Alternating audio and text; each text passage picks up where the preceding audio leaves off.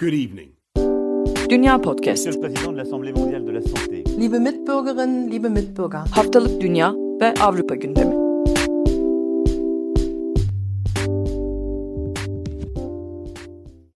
Herkese merhaba, ben Seda Karatabanoğlu. Dünya Podcast'in yeni bölümüne hoş geldiniz. Bu bölümde biraz Fransa odaklı konuşacağız. Fransa'daki gelişmelerin İngiltere ve Almanya yansımalarına da değineceğiz.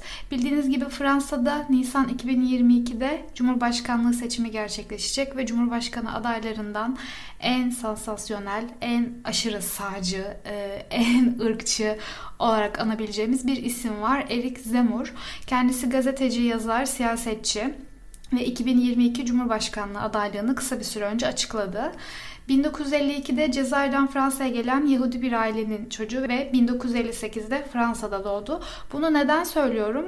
Çünkü Zemmour kendisi göçmen kökenli bir aileden geliyor. Ancak Fransa'daki göçmenleri çok net bir şekilde karşısına alıyor. Hatta onları düşmanlaştırıyor, onlara karşı nefret söylemi kullanıyor. Zemmour Paris'te Siyasal Araştırmalar Enstitüsü'nde eğitim alıyor ve daha sonrasında gazeteciliğe başlıyor. 1986 ve 94 yılları arasında Quotidien de Paris'de çalışıyor. 96'da Le Figaro'ya geçiyor ve 2009'a kadar burada çalışmaya devam ediyor. Daha sonrasında ayrılıyor. 2013'te tekrar gazeteye döndüğünde Le Figaro'da 2021'e kadar köşe yazarlığı yapıyor kendisi. Aslında Zemmour'un popülerliği 2000'lerin ortalarında katıldığı TV ve radyo programlarıyla başlıyor. Ee, yine ırkçı ve ayrımcı fikirleriyle 2011 ve 2018 yıllarında mahkum ediliyor. 2011 yılında ırkçılıktan, 2018 yılında ise Müslümanlara karşı nefret söylemi nedeniyle e, yargılanıyor ve mahkum ediliyor. Aynı zamanda Zemur'a dair cinsel taciz iddiaları da bulunuyor. Bunları özellikle değinmek istiyorum. Çünkü e, bizi dinleyen kadınlar ve özellikle gazeteci kadınların da hiç yabancı olmadığı, ne yazık ki yabancı olmadığı durumlar e, gündeme geldi. 4 Kasım 2022'de France 4 kanalında yayınlanan bir programa katılan ve kimliğini gizleyen bir kadın var. Kendisi Eric Zemmour'un cinsel tacizine maruz kaldığını söylüyor. Ve daha öncesinde e, Zemmour'la profesyonel hayatları boyunca yolları kesişen 7 kadın, burayı bir daha alıyorum. Ve daha önce e, Eric Zemmour'la profesyonel hayatlarında yolları kesişen 7 kadın Mediapart sitesine röportaj vermişti. Buna da değinmek isterim kısaca. E, bu televizyon programına katılan kadınlardan bir tanesinin ifadelerini çok detaya girmeden aktaracağım. Gazetecilik okulundan mezun olan 26 yaşındaki bir kadın ismi An olarak anılıyor. Le Figaro'da çalışmak istiyor ve editör kadrosunda yer alan Eric Zemmour ile temasa geçiyor. Zemmour kendisini gazete binası dışında kahve içmeye davet ediyor ve burada kadını önce sözlü ardından fiziksel olarak taciz ediyor. Ve daha sonrasında kadının aktarımlarına göre gazetecilikte işlerin bu şekilde yürüdüğünü, kendisiyle yakınlaşmazsa bu mesleği yapamayacağını söylüyor. İsmi an olarak anılan bu kadın Me Too hareketinden henüz o dönemde haberdar olmadığını ve bunun bir cinsel saldırı olduğunu daha sonra fark ettiğini ve o anda bunun böyle düşünmediğini söylüyor. Ee, gelelim Eric Zemmour'un adaylık açıklamasına. Kendisi çok sansasyonel bir şekilde bir adaylık açıklaması yaptı. Adaylığını açıklamadan önce zaten e, bir aday gibi davranıyordu. Kendisine ait bir çalışma ekibi var, bir iletişim ekibi var, e, son çıkardığı kitap sebebiyle Fransa turlarına katıldığı farklı illerde, e, farklı şehirlerde kalabalıklara konuştu. E, kendisi sosyal medya üzerinden yayınladığı bir video ile adaylığını duyurdu. Bu videoda bir masanın üzerinde bir mikrofon var ve önünde kağıtlar var. Zemur bu kağıtlardan bir konuşmasını okuyor. Aslında bir radyo anonsu izlenimi veriyor. Arkada karanlık koyu bir dekor var yani arkayı çok fonu görmüyoruz. Bu konuşması aslında e, Zemmour yani kendisini Charles de Gaulle'le e, aslında bir tutuyor. Medyada e, medyada Zemmour'un yaptığı bu konuşma de Gaulle'ün 18 Haziran 1940'ta Londra'da kaldığı dönemde BBC radyosuna BBC radyosundan yaptığı yayına benzetiliyor. De Gaulle bu yayında Fransızları Alman işgaline karşı direnme çağrısında bulunmuştu. Kendisi de kendi tabiriyle göçmenleri ve Müslümanlar işgaline karşı Fransızları harekete geçmeye çağırıyor. Konuşmanın arkasında Beethoven'ın 7. senfonisi çalıyor ve tabii ki çok e, karamsar, çok hüzünlü bir müzik ve bir tehlike algısı yaratıyor bu müzik. E, bu yayınladığı duyuruda aslında partisinin adı da e, açıklanmış oldu. Partisinin adı yeniden fethi anlamına gelen Reconquête e, olarak açıklandı. Bu kelime aslında hem Yahudiler hem Müslümanlar için çok olumsuz anılar çağrıştırıyor. 1992 yılında Orta Çağ'daki Hristiyan kralların Müslüman toprakları fethetmesine referans yapılıyor aslında. İspanya'daki Müslümanların Endülüs'te bulunan e, son sahip olduğu yer, son kalesi Beni Ahmer Devleti de yıkıldıktan sonra aslında e, Katolik İspanya'nın birleşmesine yönelik olarak bir kararname çıkartılıyor ve bu kararname ile 1492 yılında ülkedeki Yahudilerin e, ülkeyi terk etmesi kararı alınıyor ve aslında bu Yahudiler için bir sürgün. E, kendisi e, özellikle Kuzey Afrika'dan gelen Müslümanlara karşı ayrımcı sözleriyle e, sürekli medyada yer alıyor. Muhammed isminin koy, koyacağını yasaklıyor. NATO'dan çıkmak e, düşüncesini belirtiyor. Fransa'da sıfır göç politikası uygulayacağını söylüyor. Yabancı öğrencilerin kabulünü zorlaştıracağını, aile birleşimini yasaklayacağını, Avrupa Birliği ülkeleri dışından gelen kişilere ise sosyal yardımları durduracağını söylüyor. Göçmenler için vatandaşlık şartlarının zorlanacağını hatta verilmeyeceğini, halen Fransız vatandaşı olan kimi göçmenlere de vatandaşlık bağlamında bazı kısıtlamalar getireceğine dair e, ayrımcı ve ırkçı fikirlere sahip. Aslında uluslararası basına da yansıdığı gibi Fransa'da da Zemur'un düşünceleri sık sık Trump'a benzetiliyor. Popülist ve aşırı, aşırı sağcı olması dolayısıyla Zemur'un oy oranı %10-15 bandında birkaç ay önce ikinci tura Macron'la birlikte kalabileceğine dair anketler basına yansımıştı.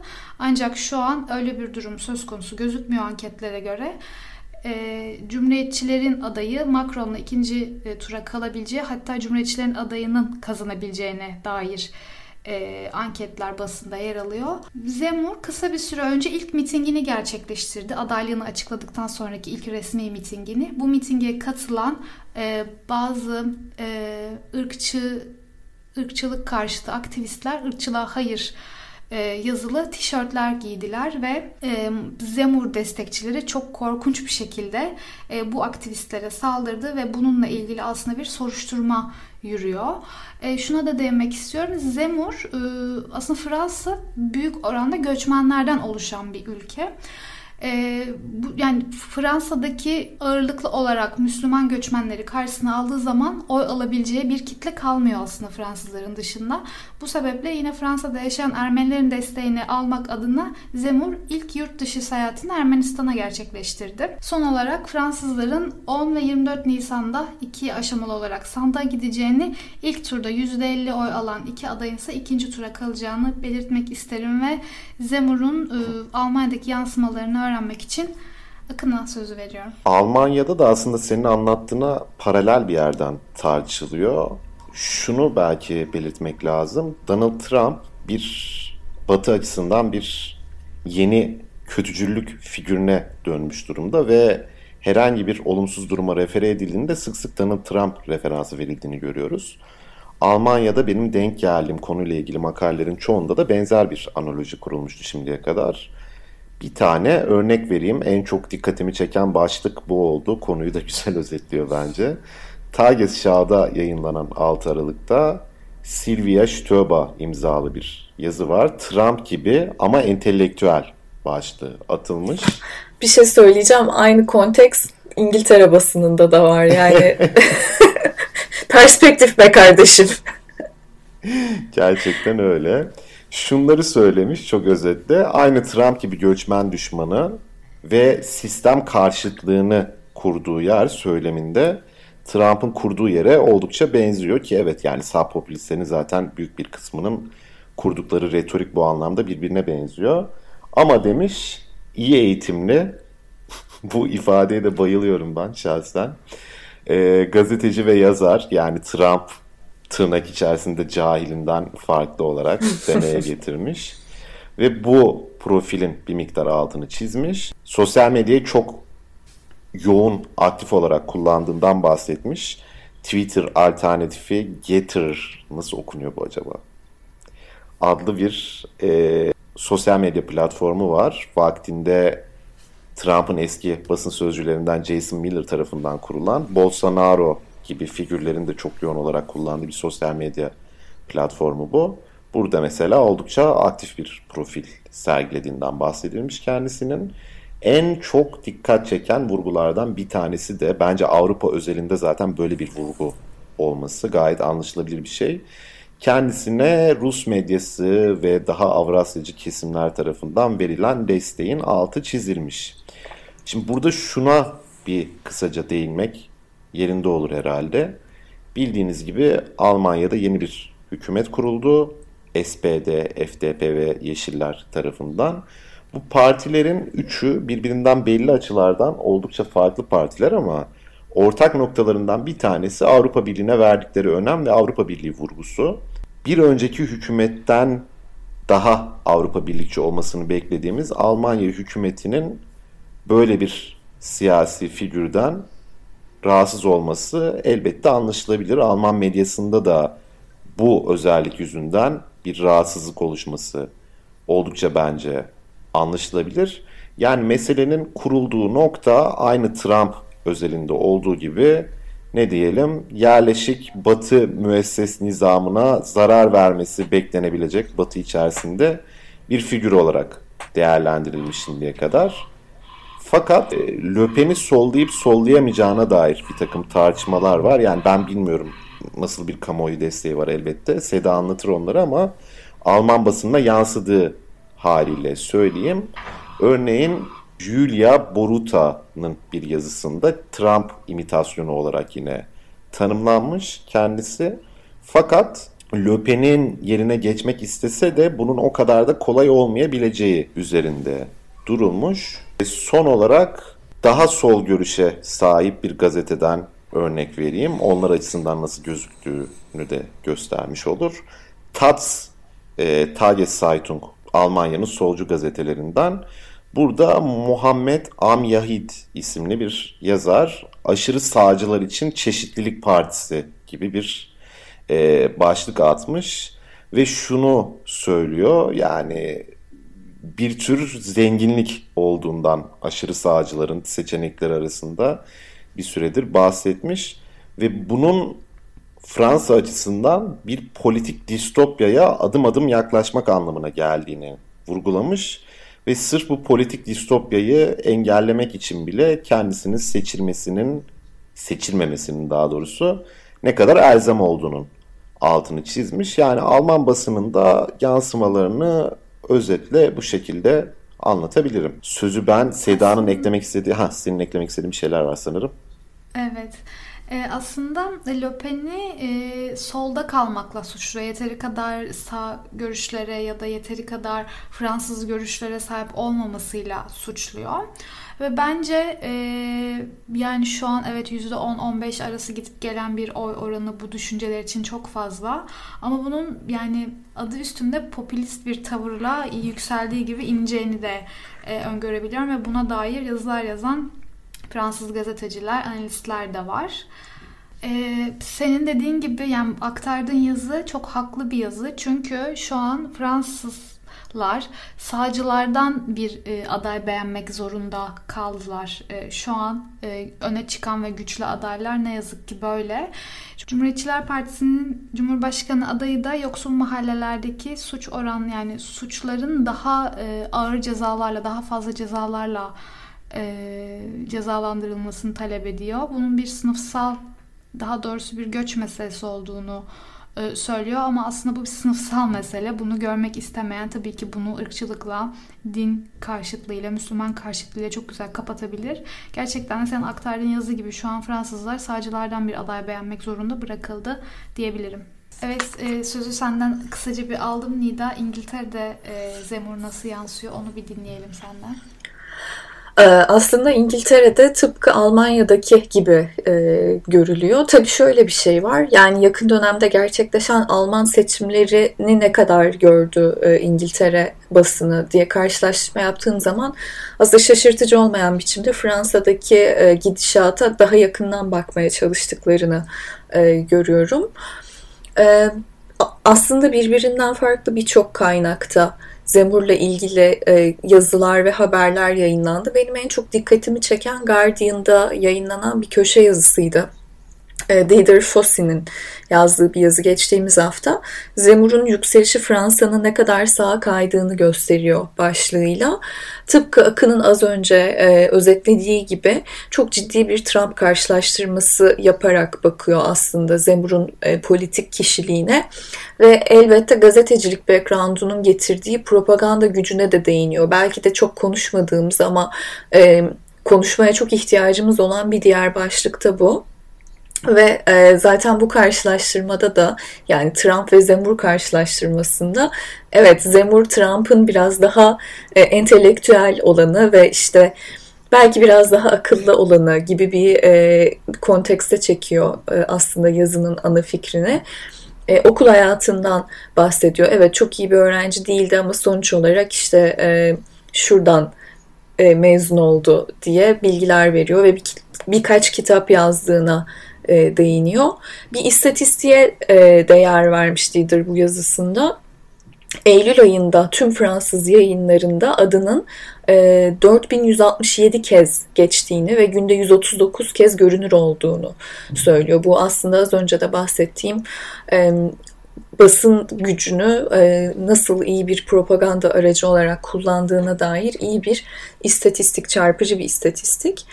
E, benim tüm bu yazılarda görmeye ihtiyacım olan karşılaştırmalardan birisi aslında e, Boris Johnson hükümetiyle paralel bir okuma yapmaya çalışacak mı e, İngiltere basınıydı. Açıkçası bu anlamda bir e, paralellik kuran herhangi bir içerikle karşılaşmadım. Çünkü bir taraftan e, İngiltere'de artık çok içselleştirdiğimiz ve yüksek sesle anladığımız şöyle bir kriz devam ediyor.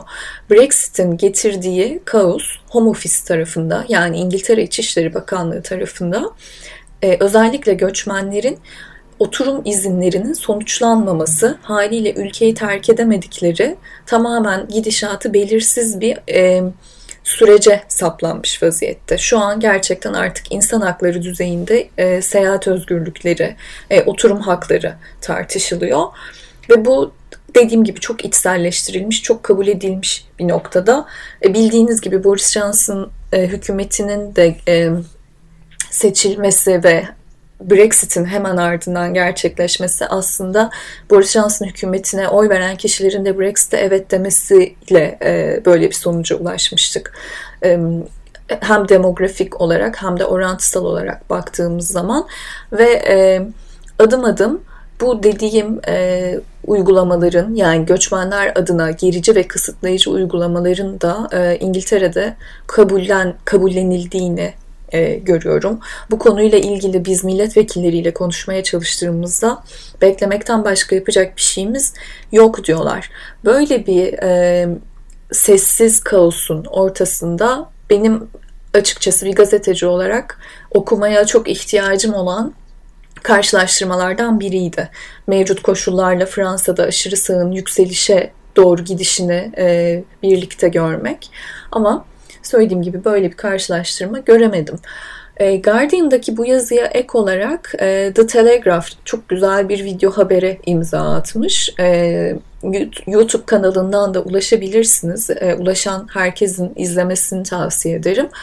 Fransa'da sokak röportajlarıyla ve Fransız bir gazeteciyle gerçekleştirilmiş yaklaşık 17-18 dakikalık bir video röportaj. Zemur'un aslında neden yükseldiğini, neden bu kadar popüler bir adaya dönüştüğünü, tam olarak da Fransa'da hangi kitle tarafından desteklendiğini, hangi kitle tarafından da endişeyle izlenildiğini gösteren oldukça güzel bir çalışma. E, buna ek olarak da Financial Times'ta e, güncel olarak çıkmış birkaç e, başlık var. Tahmin edeceğimiz gibi aslında Zemur'un Fransa seçimine nasıl sarsmak üzere geldiğine değinen başlıklar bunlar. İngiltere'deki genel bakış bu yönde. Çok da Avrupa'dakinden farklı bir bakış olmadığını söyleyebilirim. Belki orta yolcu bir bakış diye değerlendirebiliriz ve dediğim gibi çok da iyi çuvaldızı kendine batırmayan bir yerden e, ele alındığını gözlemliyorum ben e, kendi adıma.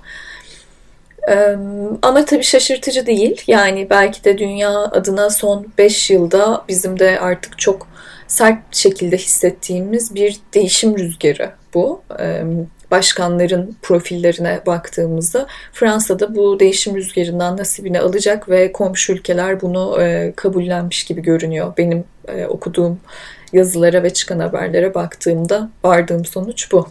Aslında şöyle e, evet yani dünyada yükselen bir sağ var ve Fransa'da da şu an bu yaşanıyor. Ancak e, kısa bir süre önce okuduğum bir yazıda bu politikayı Fransa'nın 1950'lerden itibaren yani 1950'lerden beri kullandığı yazılıyor. Nedir bir politika? Aşırı sağı çok yükseltmek, çok göz önüne getirmek ve bir aşırı sağ korkusu yaratmak, karşısına gelen merkez adayı seçimi kazanmasını sağlamak. Aslında bir önceki seçime geri döndüğümüzde Macron da bu şekilde kazanmıştı. Le Pen o kadar sivritil, sivriltilip o kadar öne çıkarılmıştı ki insanlar Macron kazansın diye değil de Le Pen kazanmasın diye Macron'a oy vermişlerdi. Bunu, bunu Burada söyleyecektim yaşayan- ben de. Hı hı. Evet, Yani Almanya'da da arkadaş- aslında siyaset bilenlerin önemli bir kısmı bu yüzden aslında çok da rahatsız olmayabilir Zemur'dan belki. Çünkü karşısındaki adayı büyük ihtimalle dediğin gibi daha merkez ve aslında belki oy alamayacak normal şartlarda bir adayı mesela Macron'u güçlendirecek. Henüz Macron resmi olarak adaylığını açıklamadı ve şu an yani e, Cumhuriyetçilerin ön seçimden sonra Cumhurbaşkanı adayını belirlemesiyle birlikte Cumhuriyetçi adayın ve Macron'un ikinci tura kalabileceğine dair tartışmalar başladı son günlerde. Şu an Zemur'a dair işte e, Mars'ta yanlış hatırlamıyorsam Marsilya'da katıldığı bir gezide ona bir e, bir vatandaş e, işte orta parmağını gösterdi ve o da aynı hareketi yaparak ona işte böyle daha derine gibi bir karşılık verdi. Artık bu şekilde gündem olacak gibi gözüküyor aslında Zemur. Cumhuriyetçilerin adayı çok güçlü bir aday olarak çıktı şu an ve ikinci tura Macron'la kalabileceği ve kazanabileceğine dair anketler var.